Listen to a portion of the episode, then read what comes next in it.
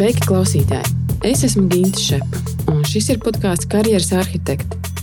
Tavs ceļvedis ar praktiskiem padomiem un metodēm darba dzīves situācijām, kad piezogas jautājums. Un ko tālāk? Tās būs sarunas ar cilvēkiem no dažādām industrijām, par viņu karjeras ceļiem un dažādiem veidiem, kā cilvēki realizē sevi. Karjeras arhitektiem var arī sekot Facebook un Instagram. Tur es mēdzu padalīties ar vērtīgiem resursiem saistībā ar karjeras attīstību. Šodien mana viesiņa ir biznesa konsultācija uzņēmuma ērda biznesa partneri Pārsla Baško. Ikdienā ar savu pieredzi un zināšanām viņi palīdz personāla vadības procesu uzlabošanā citiem uzņēmumiem. Pārsla ir personāla vadības un korporatīvās komunikācijas profesionāli. Bijusi vadošos amatos tādos uzņēmumos kā Schneider Electric, Karlsberga Baltijas valstīs, Rimija Baltika Group.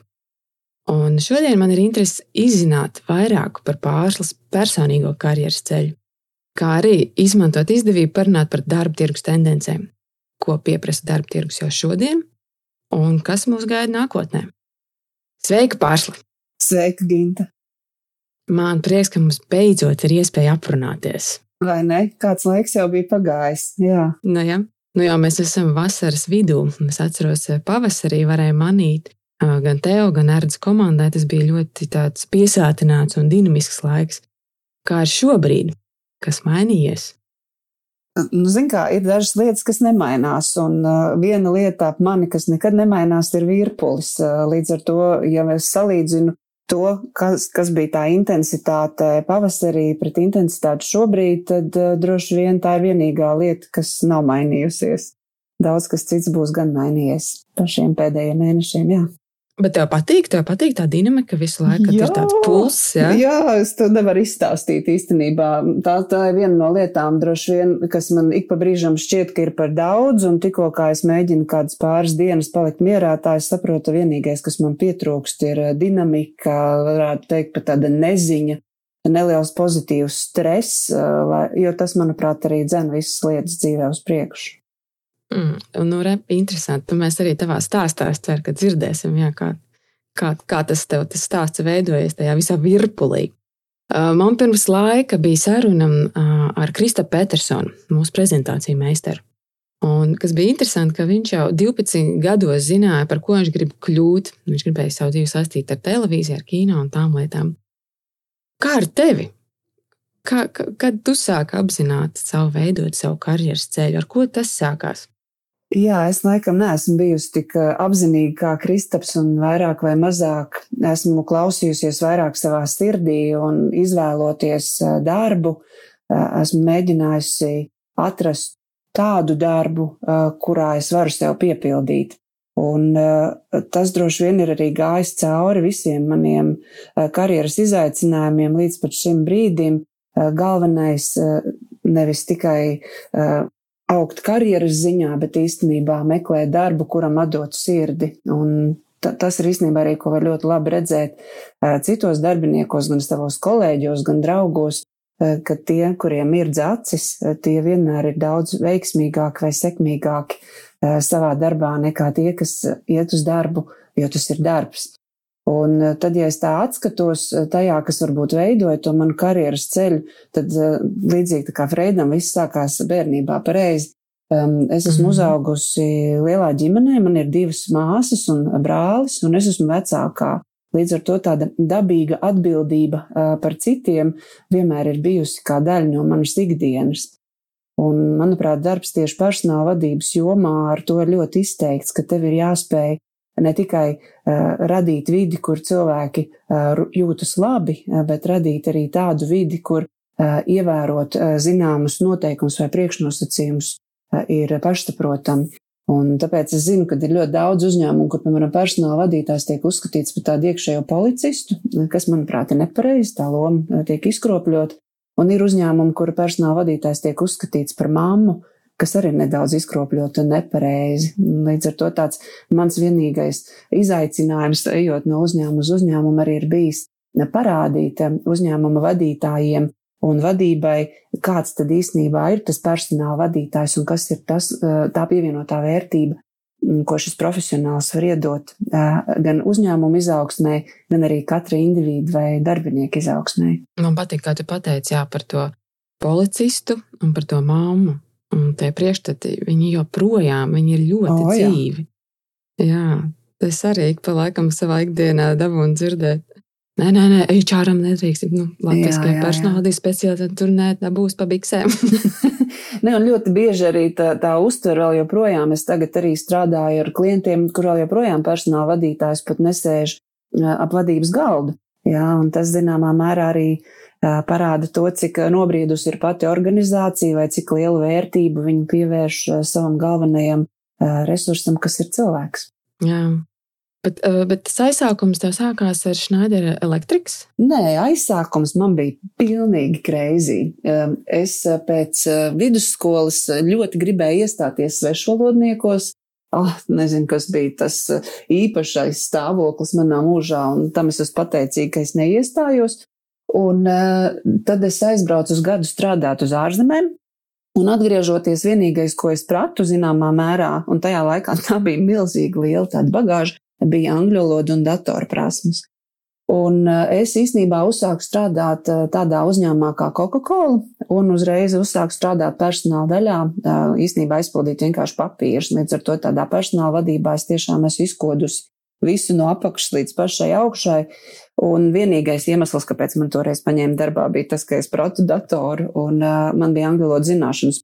Mūsdienās jaunieši, piedodiet, ar to ir krietni par maz. Um, jā, un tad kaut kā es laikam tajā darbā atradu sevi vai tajā nozarē. Uh, viņa jau tajā laikā īstenībā Latvijā bija sākusi augt un attīstīties bija uzņēmumi jau, es tā neteikšu, cik daudz gadus apkārt, vairāk kā 20, kur personāla daļa vairs nebija kadru daļa, un tas bija tas, kas mani uzrunāja tajā nozarē, kā padarīt ikviena darbinieka dzīvi interesantu, piepildītu, un lai tas darbs, ko viņi dara, viņi no tā gūtu apmierinājumu. No otras puses, kā uzņēmumu vadībai gudri izmantot šo savu izmaksu ziņā ļoti ietilpīgo resursu tā, lai sasniegtu tos labākos rezultātus.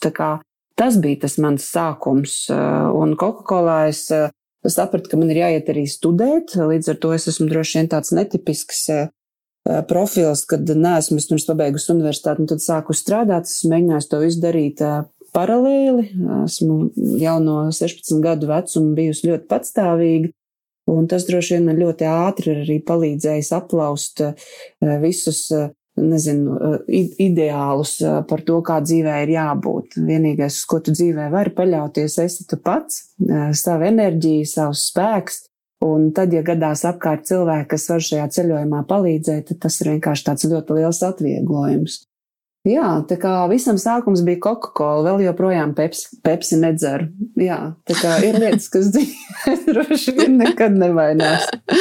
Joprojām lojāli Coca-Cola. Saprot, jā, jā. Mm. Un es varu, ja man ielies divās glāzēs brūņš šķidrums, es tev vēl tagad varu pateikt, kurš ir kurš. Tā kā. Aha. Jā, jā. Tur to visu pateikt cilvēki, kas strādājuši vienā no tiem diviem uzņēmumiem. Tur tā um, lojalitāte vai sevis asociācija ar to zīmolu īstenībā ir kaut kāds tāds fenomens, uh, ko šim uzņēmumam ir panākt, izdevies panākt. Es domāju, gan tādā klientu mārketinga komunikācijas aspektā, gan arī tieši nu, zīmola lojalitātes aspektā no darbinieku puses. Jā, un vēl joprojām ik brīžam kaut kur, kur eju un kur satieku kādus no bijušajiem Coca-Cola kolēģiem, vienmēr visi kopā nosmaidām, cik tas bija īpašs laiks, kad mums beidza algas maksāt kasē un parādījās tāda lieta kā maksāšanas kartes. Beidzā mēs pārvācāmies uz to biroju māju, kur šobrīd Coca-Cola strādā, un tas arī bija milzīgs notikums. Un tad, kad es bērniem par to stāstu, viņi saka, vai tajā laikā arī nebija tramvajs un vēl, nu, jūs ar zirgiem braucām. Un tik traki nav. Bet, jā, tas, kas ir mainījies pēdējiem 20 gadiem, ir nenormāli daudz un ļoti, ļoti intensīvi. Jā, tas, ko pieminēja par algu kasē, es jau biju aizmirsusi, bet, bet bija, jā. Es arī to esmu piedzīvojis. un nemaz netik sen pareizi, ja mēs to varam atcerēties. Tieši tā. Jā. Nu, interesanti. Un tad no plaša patēriņa preču šī sektora, tad tu devies pie inženieriem uz Schneidera? Nē, kā tev gribas? Vēl kaut kas tāds. Jā, man īstenībā tas mans darba ritms, tagad, kad es esmu tāds pieaudzis cilvēks, es esmu to apzināti sapratusi, ka uh, 5, 6 gadi droši vien ir tas maksimālais uh, termiņš, ko es varu vienā vidē atrasties. Un tad, kad es biju Coca-Colā savus gadus nostrādājusi, tad man tādu 20 dažus gadus vecu skuķi, tāds uzņēmums kā Telemēdija teica, hei, nāc pie mums strādāt par personāla vadītāju. Man liekas, ah, jā, es esmu gatava baigā vadītāja 20 dažos gados, tūlīt iešu un vadīšu. Un tas bija uzņēmums, kas tajā laikā nodarbojās ar telefonu grāmatu sagatavošanu, un otrs viņiem tāds biznes, kas viņiem bija, bija saistīts ar izziņu sniegšanu pa telefonu. Un tā droši vien bija tā darba vieta, kur es ļoti daudz ko iemācījos par sevi, jo bija pirmā krīze, bija pirmā darbinieku skaitu samazināšana, bija tādi arī pirmie tādi personīgie izaicinājumi man tajā laikā dzīvē. Un tas bija arī tas uzņēmums, kurā es iepazinos ar savu dzīves draudzeni, ar Baibu, ar ko mēs joprojām esam ļoti labos sakaros. Kā, un man liekas, ka tajā laikā es iepazinos arī ar savu tagadējo vīru. Kā jā, tas bija superīgs laiks. Jā. Un šajā uzņēmumā tas, kas droši vien atkal bija tas visinteresantākais man pašai, bija kā nonākot no vienas puses starptautiskā vidē, uzbūvēt to uzņēmumu vietēji tādu, kurā darbinieki grib strādāt, jo, nu, manuprāt, tas bija diezgan pašsaprotami tad, un droši vien arī tagad, ja tu kādam jaunietim prasītu, nu, negrib aiziet pastrādāt par aktīvo pārdevēju un pārdot kaut kādas reklāmas laukumus, droši vien, nu, tas nav neviena cilvēka sapnis, līdz ar to Tas mans tāds personīgais mērķis bija panākt, lai tie darbinieki, kas strādā uzņēmumā, lai viņi tur jūtās maksimāli godīgi novērtēti un lai tās lietas vai, vai procesi, kas uzņēmumā notiek, ir maksimāli mūsdienīgi un piemērot nu, tādai mūsdienīgai darba videi. Jā, tā kā mm. tas mhm. bija tāds interesants laiks. A, cik viegli vai grūti tev nācās, jo ir dzirdēti nu, dažādi komentāri par vietējo uzņēmumu kultūru, ja, kad, kad patiesībā tā uzņēmuma vadība arī ir spogulis kultūrai.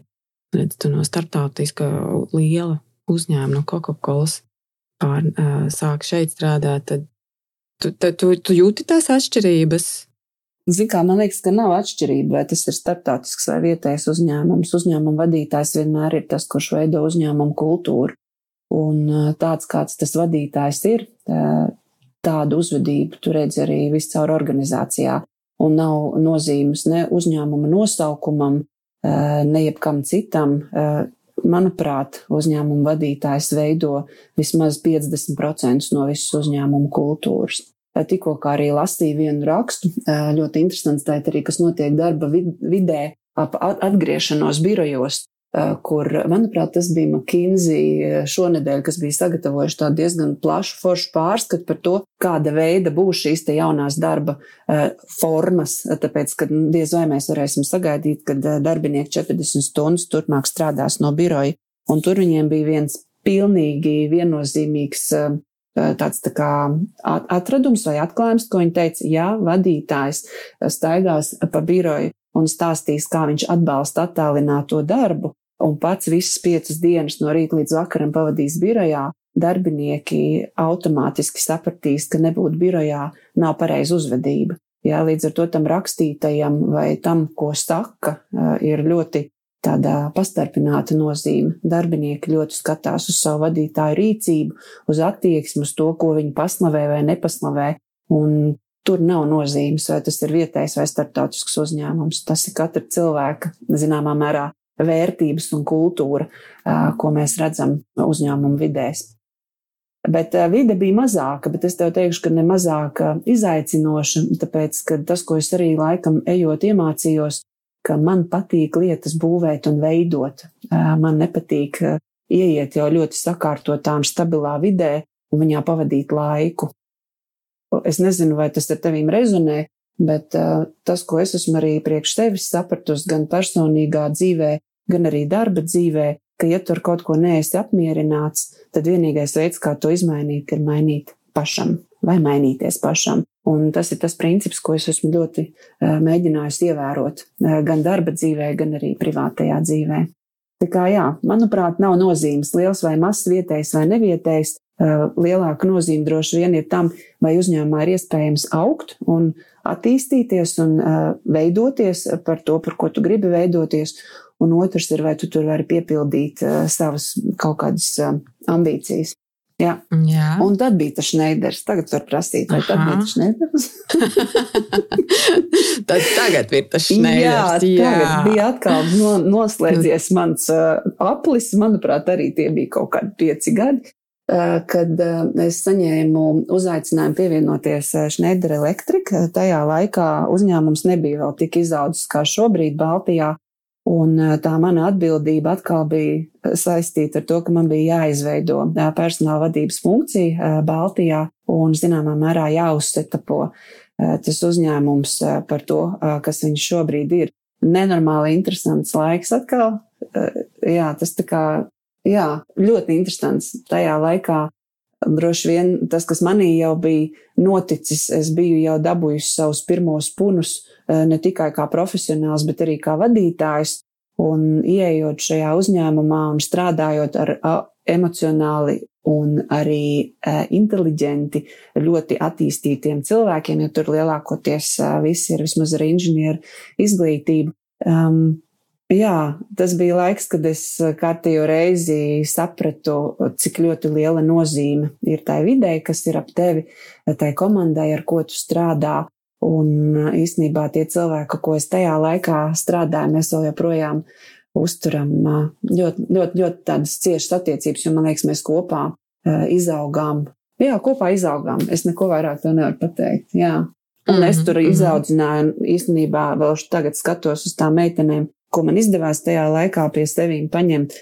Nu, par to man ir laikam vislielākais lepnums, ka gan Evija, gan Ināra Abi, abi divi mani auglīši, kas palika Šnēderī, šobrīd ir eh, Latvijā vismaz eh, ļoti eh, augstu atzīti HR profesionāļi. Tu savu pēctecību esi ja, radījusi. Nu jā, ja grib, lai labās lietas turpinās, tad pašam vien pie tā ir jāstrādā. Jā, tu pieminēji par saviem puniem. Vai, te, vai tu vari padalīties ar savām atziņām, ja mācībām, nu, tādā līderības jomā?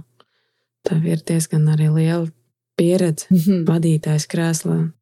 Jā, zinu, kā viens ir droši vien, kā man pašai šķiet, un otrs ir, kā izskatās no malas. Ja tu prasītu citiem cilvēkiem par mani kā par vadītāju, visu droši vien tev teikt par to, kā es varu iedvesmot un cik es esmu stipra un ka uz maniem var vienmēr paļauties. Un tas ir tas, kas man ir vienmēr arī šķitis svarīgi. Un ne tikai esot vadītājiem, bet kā cilvēkam tas, ko tas iedod kā to sājo pēcgaršu, ir, kad būt stipram kādreiz ir ne tā izdevīgākā pozīcija, jo cilvēki citi uzskata, ka uz tevīm var kraut virsū sūdus un ka tu ar viņiem tiksi galā. Bet var jau būt, ka no otras puses tas ir arī bijis tas, kas man ir veidojis gan kā profesionāli, gan kā cilvēku, Un es no tā noteikti esmu vairāk iegūst nekā tie uh, cilvēki ap mani, kas ir mēģinājuši caur maniem kaut kādas lietas iznest cauri. Un tad tas punkts droši vien lielākais uh, un sāpīgākais ir bijis uh, atrast tādu uh, pareizu līdzsvaru starp to, uh, ko tu no savas privātās dzīves vari atnest uz darbu un ko nevari. Jā, ta, tas laikam ir tas lielākais punkts, vai, vai mācība bijusi atrast priekš sevīm pareizo eh, līdzsvaru uh, jā, starp darba un privāto dzīvi. Jā. Kādreiz man starp citu mm. likās, nu, ka ē, tur taču var cilvēks strādāt nezinu cik stundas un nezinu kā. Uh, tu sev vienkārši ar laiku izdedzini, uh, esot nepārtraukti darbā, tāpēc uh, šī spēja atslēgties un spēja atrast laiku sev viennozīmīgi ir kaut kas tāds, ko es ar laiku tikai esmu attīstījusi. Es ar to noteikti nebiju piedzimusi. Man liekas, ka vispār šī ir tāda tēma, par kuru tu sāc domāt tajā brīdī, kad tu piedzīvo to pūnu, Jā, droši vien. Un ir, ir, ir jau ne, tā pirmā mācību stunda, un tad tu aizdomājies, tā vairs nevar, tā tas nedrīkst Jā. turpināties. Būtu jau forši, ja mēs visi mācītos no citu kļūdām, bet kaut kā vislabāk Jā. tomēr vispirms ir jānokļūdās pašam, un tad labākajā gadījumā mēs arī kaut ko iemācāmies. Mm. Tad mēs paņemam jā, to, ko vajag. Tieši tā. Jā, nu, un kas tad pēc Schneidera tev bija? Vai dieniņ, ja godīgi, es tajā darbā gandrīz nekad nebiju mājās, tāpēc, ka es biju atbildīga arī par Igauniju un Lietuvu, un es kā tāds labs sava amata meistars uzskatīju, ka es nevaru vadīt ne tos darbinieks, nebūt atbildīgi par viņiem, nesot tur klāt, līdz ar to es ļoti daudz braukāju. Un tad, kad piedzima mans vecākais dēls Marks, mājās sēdētājs nekāda nebija, es aizgāju apakā un likās, nu, jā, tagad jau tik turpināšu braukāt. Un zini, kā tajā brīdī es sapratu, ka tas tā nav uh, nenormāli realistiski ar uh, pusgadīgu bērnu mājās braukāt, agri no rīta celties, vēl vakarā būt mājās, pa nakti vēl pieslēgties uz bērnu negulēšanām. Un es ļoti apzināti sāku meklēt darbu, kur es varu vairāk būt uz vietas. Un tā no 2007. gada pašās beigās es nokļuvu Aldarī. Pati pēc tam smējos, kad atnācu kopā ar krīzi, jāsaka, gan ar iepriekšējo, un pēc tam smējos un teicu, ka kādam es droši vien biju kā dāvana un kādam kā sots. Jo, protams, kad ienākot uzņēmumā līdz ar krīzi, man liekas, bija kaut kādi divi, trīs mēneši, kad sākās ļoti smags ekonomiskais efekts, kas, protams, atstāja ļoti smagu ietekmi arī uz uzņēmumu rezultātiem. Un, man liekas, ja es sāku tur strādāt, tad, kad uzņēmumā vidējais darbinieku skaits bija ap 700, tad gada laikā mēs šo darbinieku skaitu samazinājām uz pusi.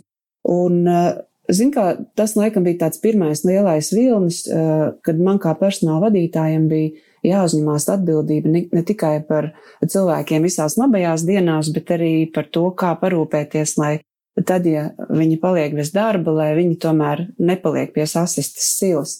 Un uh, tas bija, manuprāt, man arī pašai tāds personīgi uh, laiks, kad es ļoti ātri uh, dabūju izaugt un varbūt pat prātā novecot, lai es spētu kā cilvēks tam visam iziet cauri.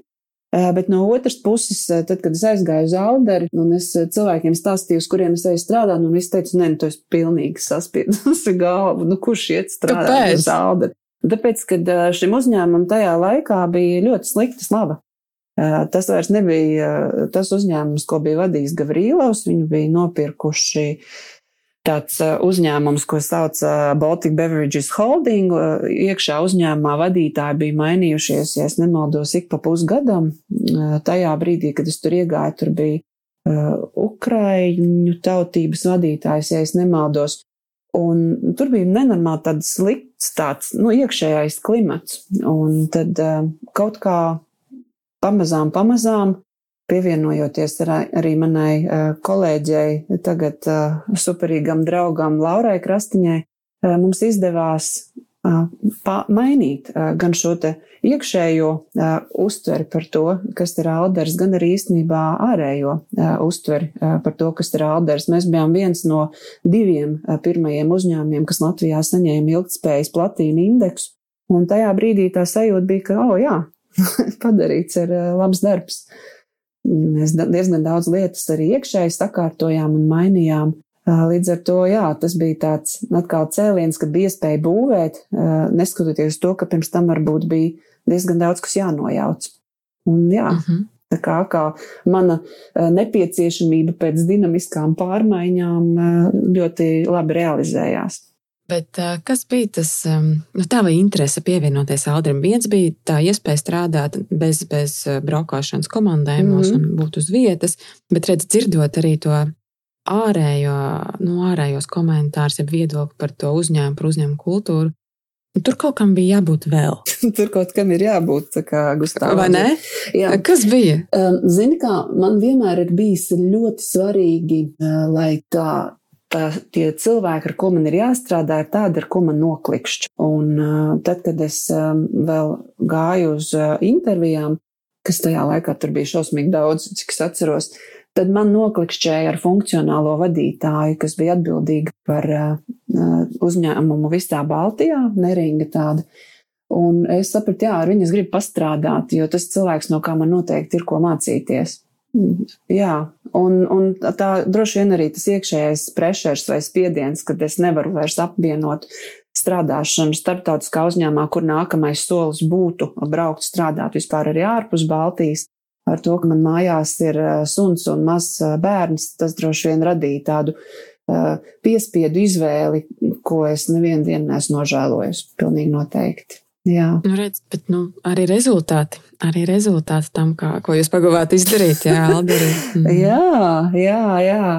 Es pat to tagad kaut kad, kad satieku kādus personāla vadītājus, tad visi kaut kā tā atcerās tieši to manu laiku Alderī kā tādu, ka cilvēks, ka jā, nu, tur varēja nu, mācīties no tā, kā tur tu ko darīja. Un droši vien tas pēdējais bija, tad, kad īpašnieki pieņēma lēmumu Latvijā krietni samazināt alus ražošanas apjomus vai pārcelt viņus uz citām valstīm, tad tā samazināšana, kur mēs palielam dabūjām atbrīvot padzīvojušus ļoti daudz labus profesionāļus, bija tāds nu, kārtīgs karš man pašai ar sevi, kā to izdarīt tā, lai ik viens no tiem cilvēkiem, kas zaudēja darbu apstākļos, kad nebija tā, ka darbu meta kādam pakaļ, lai viņi visi varētu turpināt dzīvot cilvēciskos apstākļos. Tas, laikam, bija tāds pamatīgs izaicinājums, bet es arī jūtu, ka tagad vismaz aizbraucot uz citiem ražojošiem uzņēmumiem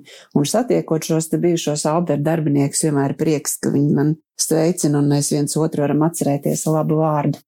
Šī ir laba tēma, zini, man liekas, arī šim laikam un šim brīdim, kad Es domāju, ka ir daļa vadītāja vai uzņēmuma, nu, tiešām tā lēmuma priekšā, ko darīt. Ja?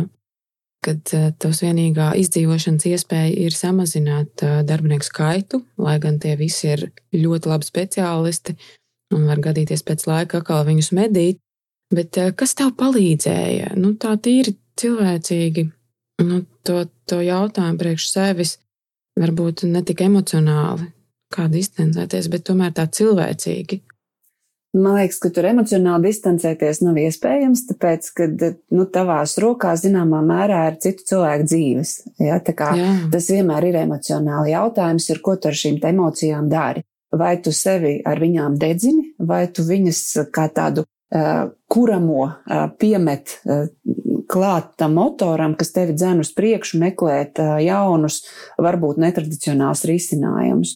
Un tas ir tas, ko es nu, tā arī vēroju tagad gan personāla vadības vidi, gan arī uzņēmē darbības vidi, ko es ļoti skaidri redzu. Un tas droši vien iet apakaļ arī pie tā, kāda cilvēki paši pēc būtības.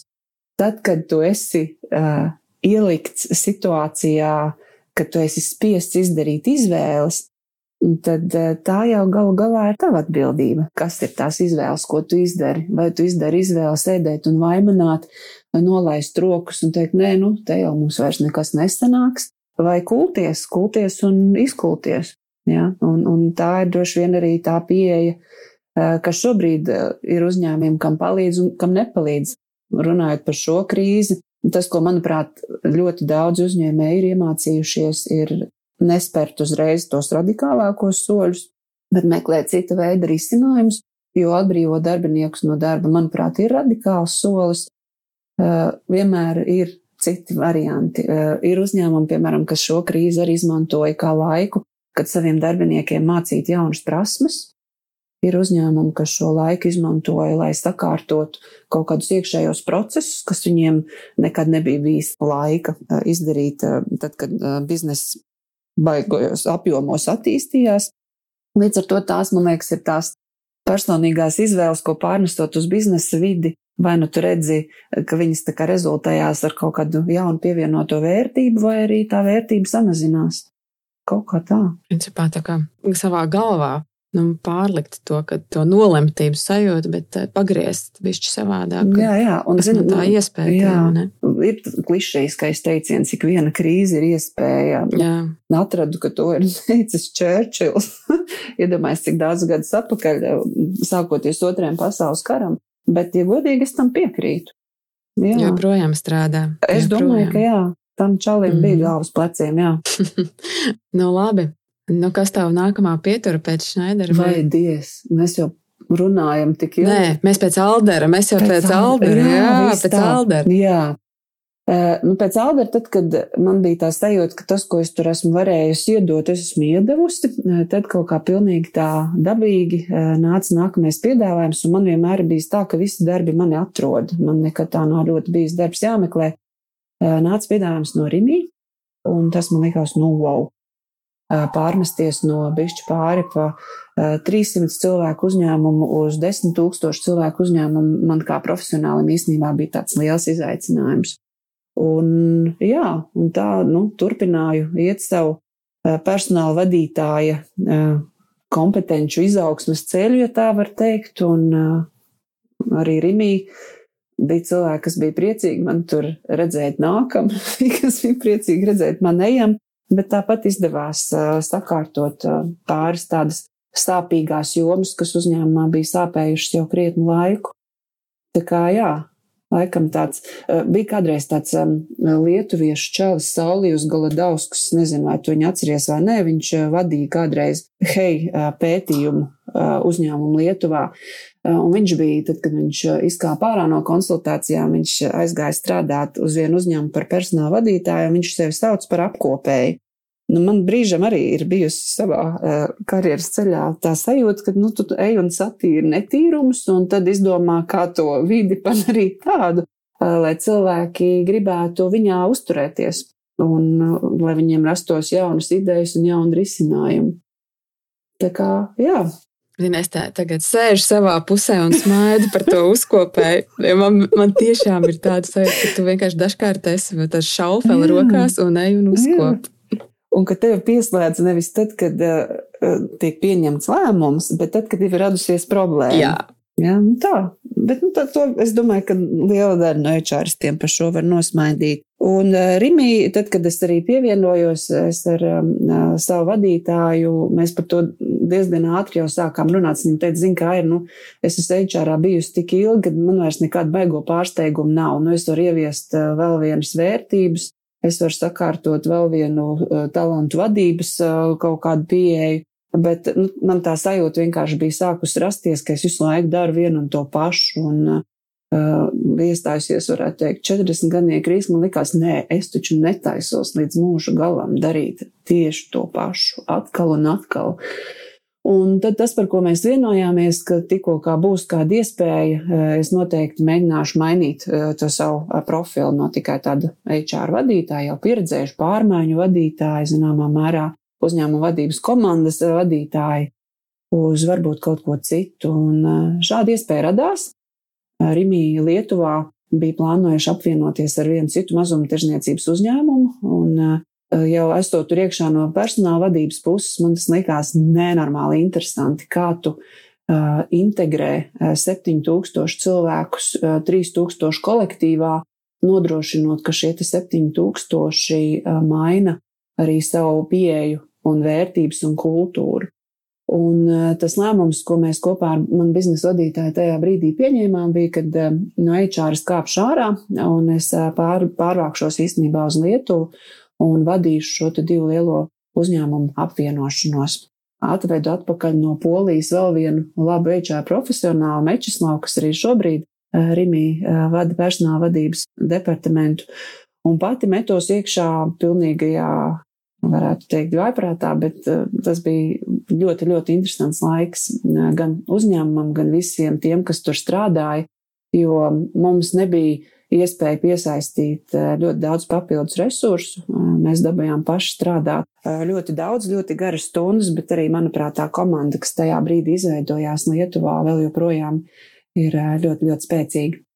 Nu, jā, Man jautājums, gribas bišķiņi, jā, tāda praktiska lieta, domāju, kādiem priekšnosacījumiem ir jābūt, lai, nu, lai divu uzņēmumu tā kultūras, jā, lai viņas nu, tā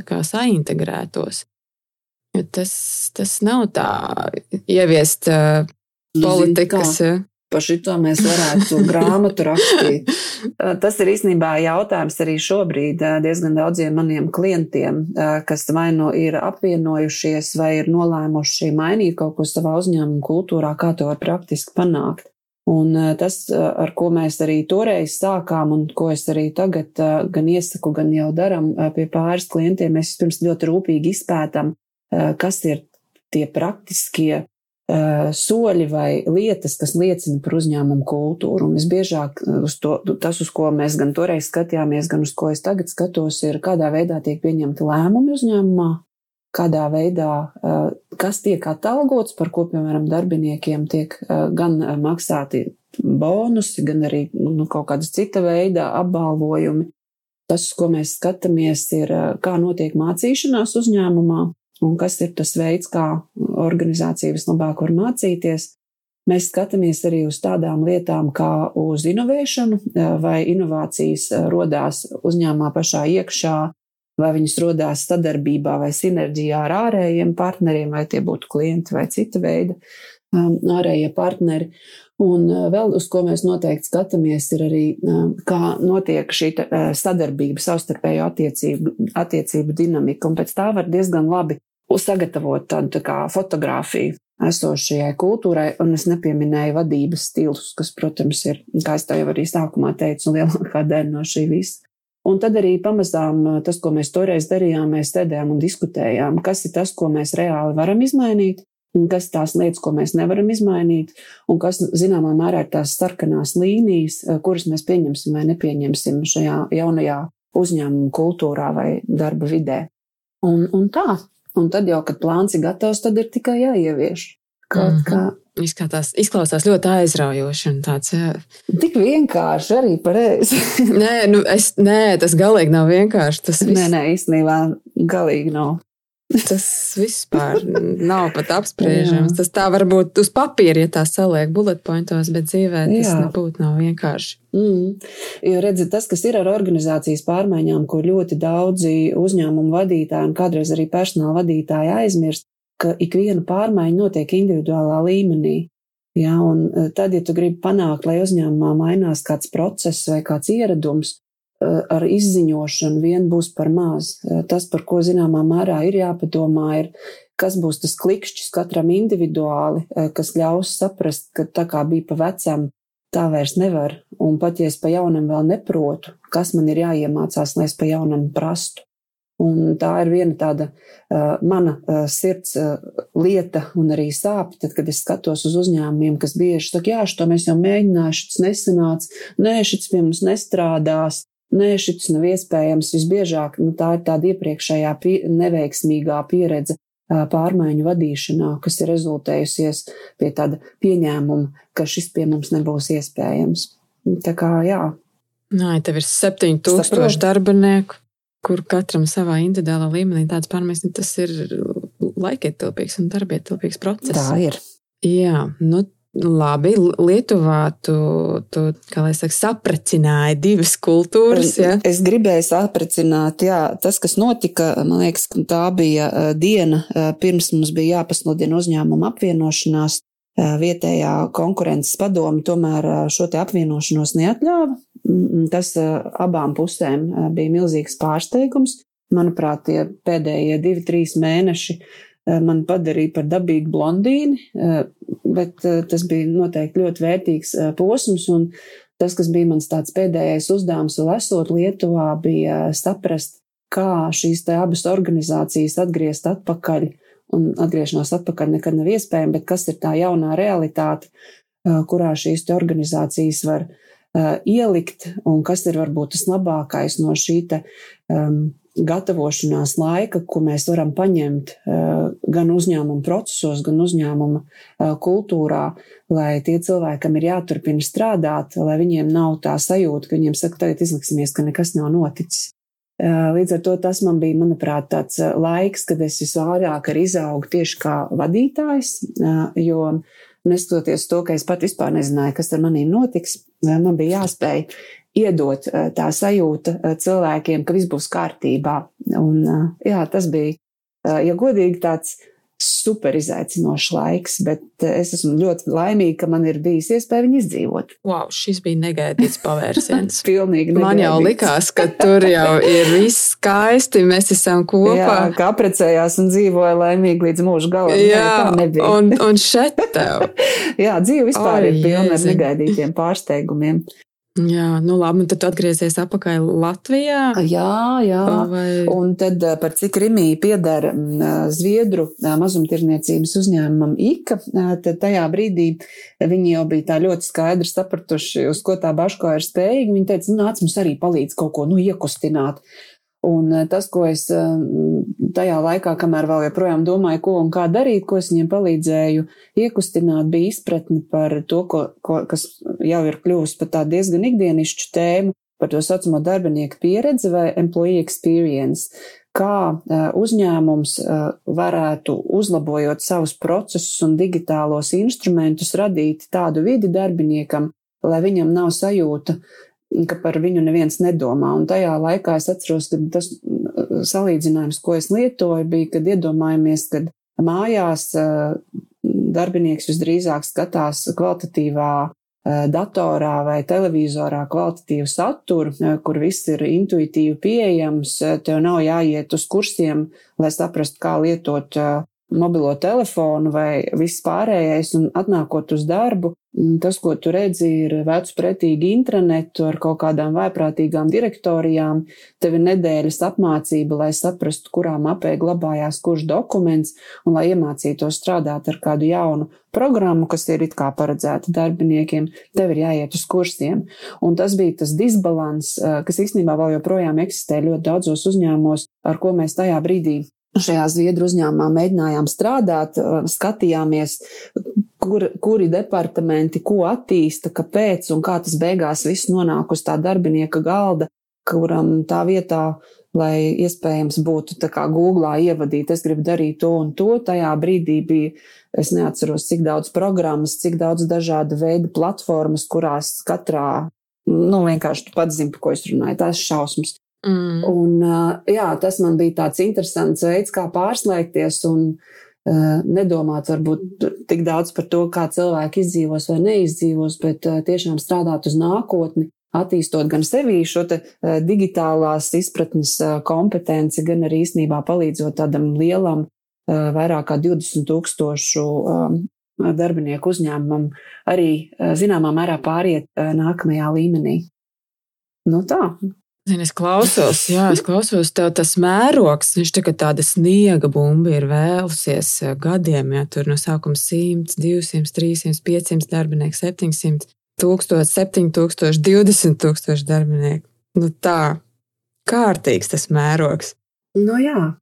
Um, bet Un tagad tu esi ērdā. Tagad es esmu ērdā, kur mēs esam komandā nepilni desmit cilvēki. Bet atkal tā iespēja pieskarties un palīdzēt vairākiem uzņēmumiem vienlaicīgi, ir droši vien tas, līdz kam es biju izaugusi. Kad vienā brīdī vismaz man pašai radās tā sajūta, ka es esmu beidzot gatava ne tikai ņemt un mācīties no citiem, bet dot to, ko es jau esmu ieguvusi citiem, lai varbūt pātrinātu ceļu gan pašiem personāla vadītājiem, gan uzņēmumu vadītājiem, gan uzņēmumiem kopumā nonākt pie labākiem risinājumiem, lai šo te vidi, kurā vai nu cilvēki aug vai tieši otrādi neaug, padarīt maksimāli tādu labāku. Nu, tā kā ērdas arī misija īstenībā ir nu, ļoti, tu varbūt smiesies, bet tā mūsu abām ar Zani tā sajūta ir, ka mēs spējam padarīt pasauli labāku.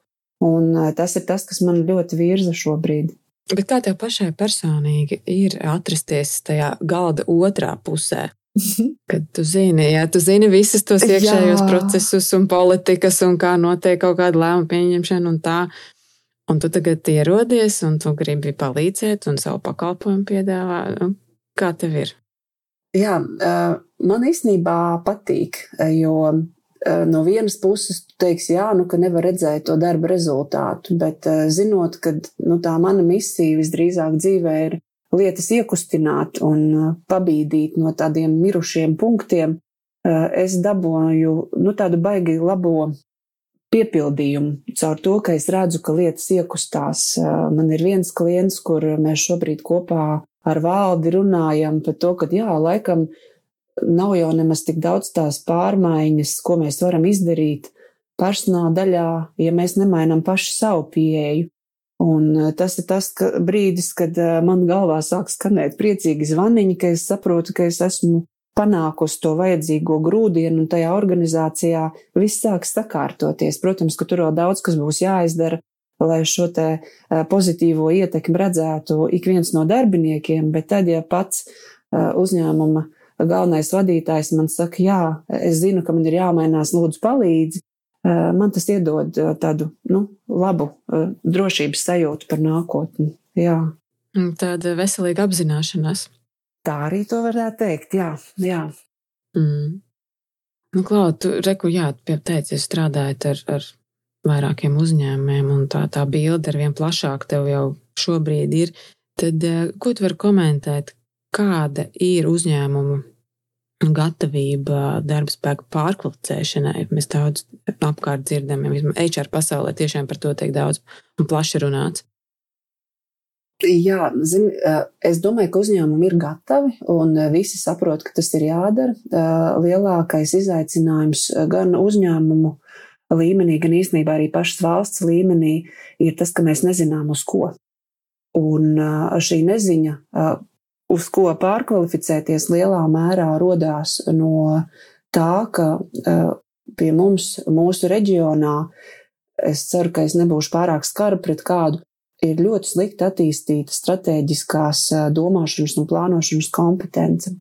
Ehm, es esmu šobrīd bijusi jau pietiekami daudz uzņēmumos, lai varētu apgalvot, ka eh, ļoti reti ir tie uzņēmumi, kas strateģiski plāno sava darba spēka attīstību nākamajiem diviem, trim gadiem. Un visbiežāk tas, ar ko uzņēmumi cīnās, ir mēģināt nosekt to šī brīža caurumus vai uzlīmēt plāksters uz esošajiem pušumiem, nepadomājot, no kā viņi rodas. Un tas ir tas, kur mēs ar Zani arī esam pieslēgušās ekonomikas ministrijas darba grupai, kas tieši šobrīd arī plāno Latvijas valsts kontekstā, kas ir varbūt tās kompetences, kas nākotnē šajā valstī būs nepieciešams. Bet līdzīgs process ir jāaiziet arī katram uzņēmumam. Pirmā Covid-19 viņa laikā bija viens uzņēmums, kas ļoti plaši runāja un stāstīja arī uz ārpusi par to, ka viņi visus savus speciālistus apmāca telemārketinga prasmēm.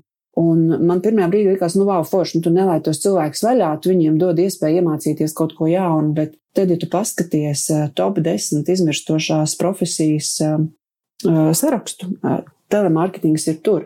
Tā ir tāda nepārdomāta investīcija no uzņēmuma puses, kas nekad neatmaksāsies tā vietā, lai varbūt investētu cilvēku digitālajās prasmēs vai tajās prasmēs, kas saistītas ar projektu vadīšanu, ar klientu vajadzību izzināšanu, ar tām prasmēm, kas šobrīd aug un attīstās un kas visdrīzāk būs nepieciešams ne tikai IT departamentos, bet pilnīgi viscaur organizācijām. Tā kā, manuprāt, ka grib, bet vēl nezinu kā. Tas būtu tāda īsa atbilde uz tā jautājumu.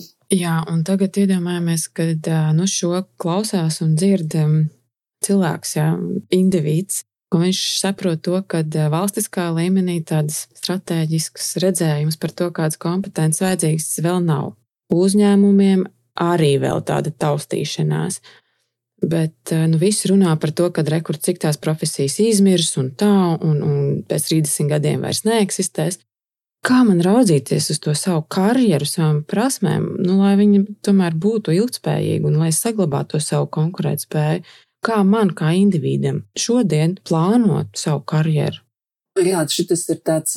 Tev ir kāds padoms, idejas. Nu, es saprotu, ka mēs visi esam tādā nenoteiktībā. Nu, ja man būtu, es droši vien būtu miljonārs, jā, bet nu, es varu droši vien padalīties ar to savu pieredzi vai to, ko es arī saku uh, saviem kolēģiem, kas šobrīd tā ir tādā izvēļu priekšā. Uh, tas, ko es vienmēr saku, ir, ir jāatrod darbs, uh, ko jūs ar sirdi jūtat kā savu Un tas nozīmē, ka ir jāpamēģina darīt vairākas lietas. Pat ja jūs kļūdīsieties ar to izvēli, eh, tā būs tāda mācība, ka jūs zināsiet, tas nav priekš manis. Eh, vienu brīdi eh, man liekas, ka pilnīgi visas universitātes met ārā absolventus, un visi no viņiem gribēja būt vadītāji. Nu, come on! Nu, nav vajadzīgi tik daudz vadītāju, un īstenībā būt atbildīgam par to, ko citi nav izdarījuši, nevienmēr ir tas patīkamākais darba elements. Līdz ar to atrast, manuprāt, tās prasmes vai to, kam pieder sirds, var tikai darot. Un tas ir tas, ko es noteikti iesaku. Šobrīd ir tik daudz arī bezmaksas online resursi, kur var mācīties, sākot ar dizainu domāšanu, ar lielu datu apstrādi, lietas, kas saistītas ar problēmu risināšanu, projektu vadīšanu, visas tās prasmes, kas it kā šobrīd jau sāk pārklāties, kurām vairs nav tāda skaidra funkcionāla piederība. Jāpamēģina ir viss. Un labāk pamēģināt un saprast, ka tas nav priekš tevis, nekā nepamēģināt un pēc tam visu mūžu to nožēlot. Piekrītu par to eksperimentēšanu un, un, un mēģināt, mēģināt testēt. Jā. Vai, vai, vai tu vari mm, pakomentēt, pastāstīt, kas varētu būt tās, es viņus saucu par starpdisciplinārajām prasmēm, kas noder un būs vērtīgs un vajadzīgs neatkarīgi no industrijas vai no tās ekspertīzes. Mm -hmm. Viņš daudz kur vajag. Mm -hmm. Tu gribi, lai es skaitu tās prasmes, vai ko tu gribi, lai es par viņām komentēju? Lai tu padalies uz, ja? kas tavuprāt ir jā. tās prasmes, jā. Uh, ir tāda, es nezinu, latviski labi nosaukumu prasme, kas saucās stakeholder management, tā kā prast uh, strādāt ar dažādām iesaistītajām pusēm. Um, ja godīgi, tā ir prasme, ko tā baigi kursos iemācīties. Man šķiet, ka nevar, bet droši vien, ka kaut kādus teorētiskus pamatus apzināties var. Un šī ir prasme, kas šobrīd kļūst ar vien svarīgāka, ja cilvēks izvēlās strādāt kolektīvā, nevis viens pats. Spēja atrast līdzsvaru starp dažādu interešu pušu vajadzībām un vēlmēm šobrīd kļūst ar vien kritiskāka, strādājot dažādos līmeņos. Esot vadītājam, tev ir jāsaprot, kā tu vari to savu komandu apvienot vienam mērķim. Ja tu esi darbinieks, tu droši vien strādā komandā, kā to ar savām prasmēm un to, kas tu esi, vari būt noderīgs citiem un no šīs komandas miedarbības mācīties. Plus, vēl ņemot vērā to, ka darbs kļūst zināmā mērā Eh, nehomogēns, tātad viņš var notikt gan fiziskā vidē, gan virtuālā vidē. Šita uh, iesaistīto pušu eh, pārzināšana un spēja eksistēt tādā daudzslāņainā vidē noteikti ir kā viena no tādām prasmēm, kuras vērtība šobrīd pieaug. Otra viennozīmīgi, un tas notiek pēdējos mēnešos ļoti ātri, ir spēja būt tādā komfortā ar dažāda veida digitāliem risinājumiem. Un tas ir atkal, vai tu strādā IT departamentā, vai tu strādā personāla vadības departamentā. Es tur neredzu lielu atšķirību. Jo arī paskatījos, man liekas, ka tas bija Boston Consulting Group, kas bija papētījis, ka pēdējo četru mēnešu laikā digitalizācija ir gājusi uz priekšu par periodu, kas ir līdzvērtīgs pieciem gadiem. Līdz ar to šie risinājumi, kas ir radušies tagad krīzes laikā, jo bija vienkārši tāda nepieciešamība, kļūst par arvien vairāk cilvēku ikdienu. Jā, piemēram, nu, tā pati medicīna.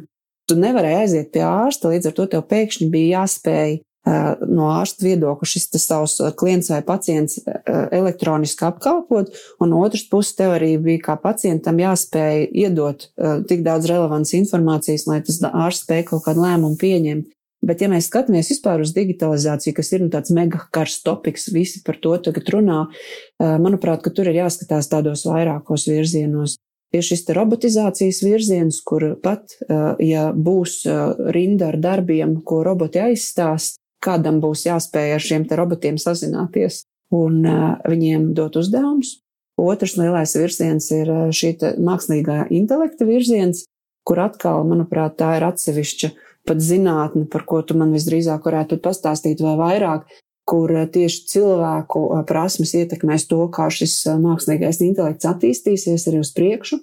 Un trešā, man liekas, lielā grupa, kur mums ir mega potenciāls arī kā valstī, jo mēs, manuprāt, esam ļoti apģērbīgi nācija, ir lielu, lielo datu apstrāde.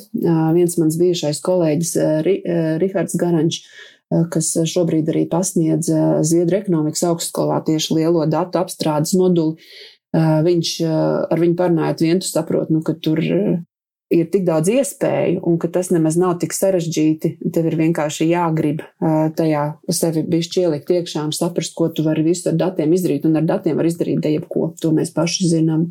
Un tas ceturtais, manuprāt, virziens šajā digitalizācijas aspektā ir mans aicinājums vadītājiem nepalikt par veciem vai nepalikt par novecojušiem eh, kompetenci ziņā. Jo kādreiz zina, ir tā eh, bailīgi, eh, ka tu iedomājies, ka visus lielos lēmumus par investīcijām pieņem cilvēki, kam izpratne par digitalizāciju ir diezgan ierobežota. Manuprāt, McKinsey's bija izpētījis, ka pēdējo desmit gadu laikā vidējais vecums uzņēmumu vadītājiem pieaudzis pa desmit gadiem kas nozīmē, ka šie vadītāji īstenībā ir vairāk vai mazāk tie paši, un viņiem papildus visiem saviem daudzajiem darba pienākumiem ir jāmāk vai jāprot atrast laiks arī mācīties jaunās lietas, lai viņi spētu pieņemt lēmumus, kas ir uz nākotni vērsti. Jā, tā kā tas ir par digitalizāciju, un tur atkal es nerunāju par mārketingu vai par finansēm. Tās ir tādas prasmes, kas ir starpdimensiālas, ja mēs tā varam teikt. Un tad tā trešā lielā grupa, vismaz priekš manīm galvā, ar prasmēm ir saistīta ar eh, kognitīvajām spējām, ar spējām risināt eh, problēmas, eh, pieņemt lēmumus, ātri rast risinājumus. Un tās, redz, ir droši vien tās prasmes, ko ir grūti iemācīties attālināti, tās, tās kas ir jātrenē darba uzdevumos. Um, es tagad um, runājot arī ar pāris cilvēkiem, kā man tur vairs nav ko darīt tajā uzņēmumā, man tur vairs nav kur augt. Uh, tad, kad mēs aprunājamies, tad uh, kaut kā lielai daļai cilvēku ir izveidojies tas priekšstats, ka izaugsme var būt tikai vertikāla. Un tas ir tas, ko nu, tāds mans kārtējā varētu būt dzīves misija, uh, parādīt, cik daudz tu īstenībā var augt arī horizontāli, ņemot klāt, piedaloties projektos, mācoties jaunas lietas, izmantojot iespēju jau esošā vidē kļūdīties, tāpēc, ka tur šīs kļūdas tiek daudz labāk pieņemtas nekā nonākot svešā vidē. Vienkārši mācīties cilvēku tur, kur jūs esat, un tas iedod tādu papildus bagāžu, pat ja tās jums būs tajā brīdī vārdā nenosauktas prasmes, tas noteikti kaut kad dzīvē noderēs. O, jā, šis ir laiks, kad um, visu dzīvi mums nāksies mācīties. Jā, man tas tā patīk. Spiest. Mm, jā. Runājot par to vertikālo izaugsmu, es arī kaut kad lasīju par, par to, kā vispār organizācijas struktūras ir mainījušās un turpina mainīties, ka tā vertikālā jā, tā dimensija, viņa, viņa kļūst ar vien plakanāk un mazāk Tieši un plakanāks tās organizācijas struktūras. Un tā vertikālā izaugsme, paliek ar vien, ar vien īsāka. Tāpēc tās, tās horizonta, horizonti jā, jāmeklē. Kur tu vari vēl jā, mm. citās formās augt? Un tas, ka droši vien ir jāsaka, ka arī uzņēmumu vadītājiem vēl ir jāmācās un jāaug savā prātā. Es bieži vien dzirdu, ne, nu kā tu iedomājies, ka man tagad uh, finansists ies uz pārdošanu strādāt vai pārdevējs ies strādāt uz personāla daļu. Un es vienmēr saku, jā, tas ir tieši tas, ko es īstenībā savā galvā iedomājos, kad tas, ko uzņēmumi veicot šīs starpfunkciju rotācijas panāk, ir darbiniekus, kas par viņu uzņēmumu zina daudz vairāk, un līdz ar to nākotnē noteikti būs gan daudz noderīgāk pašam uzņēmumam, gan arī daudz konkurētspējīgāk ārpus uzņēmumu. Daudz elastīgāk un ātrāk spēs reaģēt. Vai ne? Mm -hmm. Jā, Pilnīgi noteikti. Tas reakcijas laiks mums jau arī biznesa vidē nu, ir milzīgi audzis. Rekur, kā tu pieminēji, jā, digitālās. Mm -hmm. Tāds, tāds virziens. Pieci gadi, četri mēneši laikā, jā. Mm -hmm. nu, tas, par to, ko te runā, ir ilgi, ilgi, ja tu vienkārši hops nolika mūsu situāciju. Oi, pārslā! Paldies, tev milzīgs, no interesants stāsts un pieredzes bagāts un plašs. Un, uh, Es esmu pārliecināta, ka mūsu klausītājiem šī saruna noteikti iedeva tēmas, par ko padomāt. Uh, savas karjeras kontekstā. Un viņš vēl nav beidzies, Ginti. Ja? Jā, Tieši jā. Tā. Es, kā zinu, es domāju, ka varbūt ka mēs pēc trīs gadiem atkal runājam, un tā ir atkal jauns pagrieziens tavā karjerā, un, un viss, kas notiek arī mūsu dzīvē apkārt, tādā biznesa kontekstā. Pārsla, es gribu tev novēlēt pa vidu visiem taviem darbiem un um, kā tu teici sākumā, aizmirsu, kā tu, kā tu pat raksturoji to laiku sev apkārt, bet uh, skaidrs viens, ka joprojām dinamika ir, bet es tev gribu novēlot atrast nedalītu laiku um, priekš sevis, kad tu atjauno enerģiju nu, nākamajam cēlēnam. Paldies! Jā, tas man noteikti noderēs. Un tas, ko es gribu arī visiem klausītājiem novēlēt, novērtējiet eh, to, kas ar jums notiek. Notiek katru dienu, jo tas mūs eh, zināmā mērā bagātina. Un tā mana vismaz līdzinājā mācība ir, ka eh, es nebūtu varējusi izdarīt visu to, ko es esmu izdarījusi, ja man apkārt nebūtu tie cilvēki, kas man ir apkārt. Tā kā paldies gan maniem bērniem, gan Markam, gan mazajam Brunim, gan arī Edmundam, kas sakožot zobus, pacietuši visas manas iegribas vai trakās idejas un palīdzējuši mums kopā augt kā ģimenei. Jā, novērtējam mums apkārt esošos. Milzīgs paldies tev, Pārsla. Tiešām gards tavs stāsts, gards. Un klausītājiem saku, jā, tiekamies pēc nedēļas. Atā! Atā!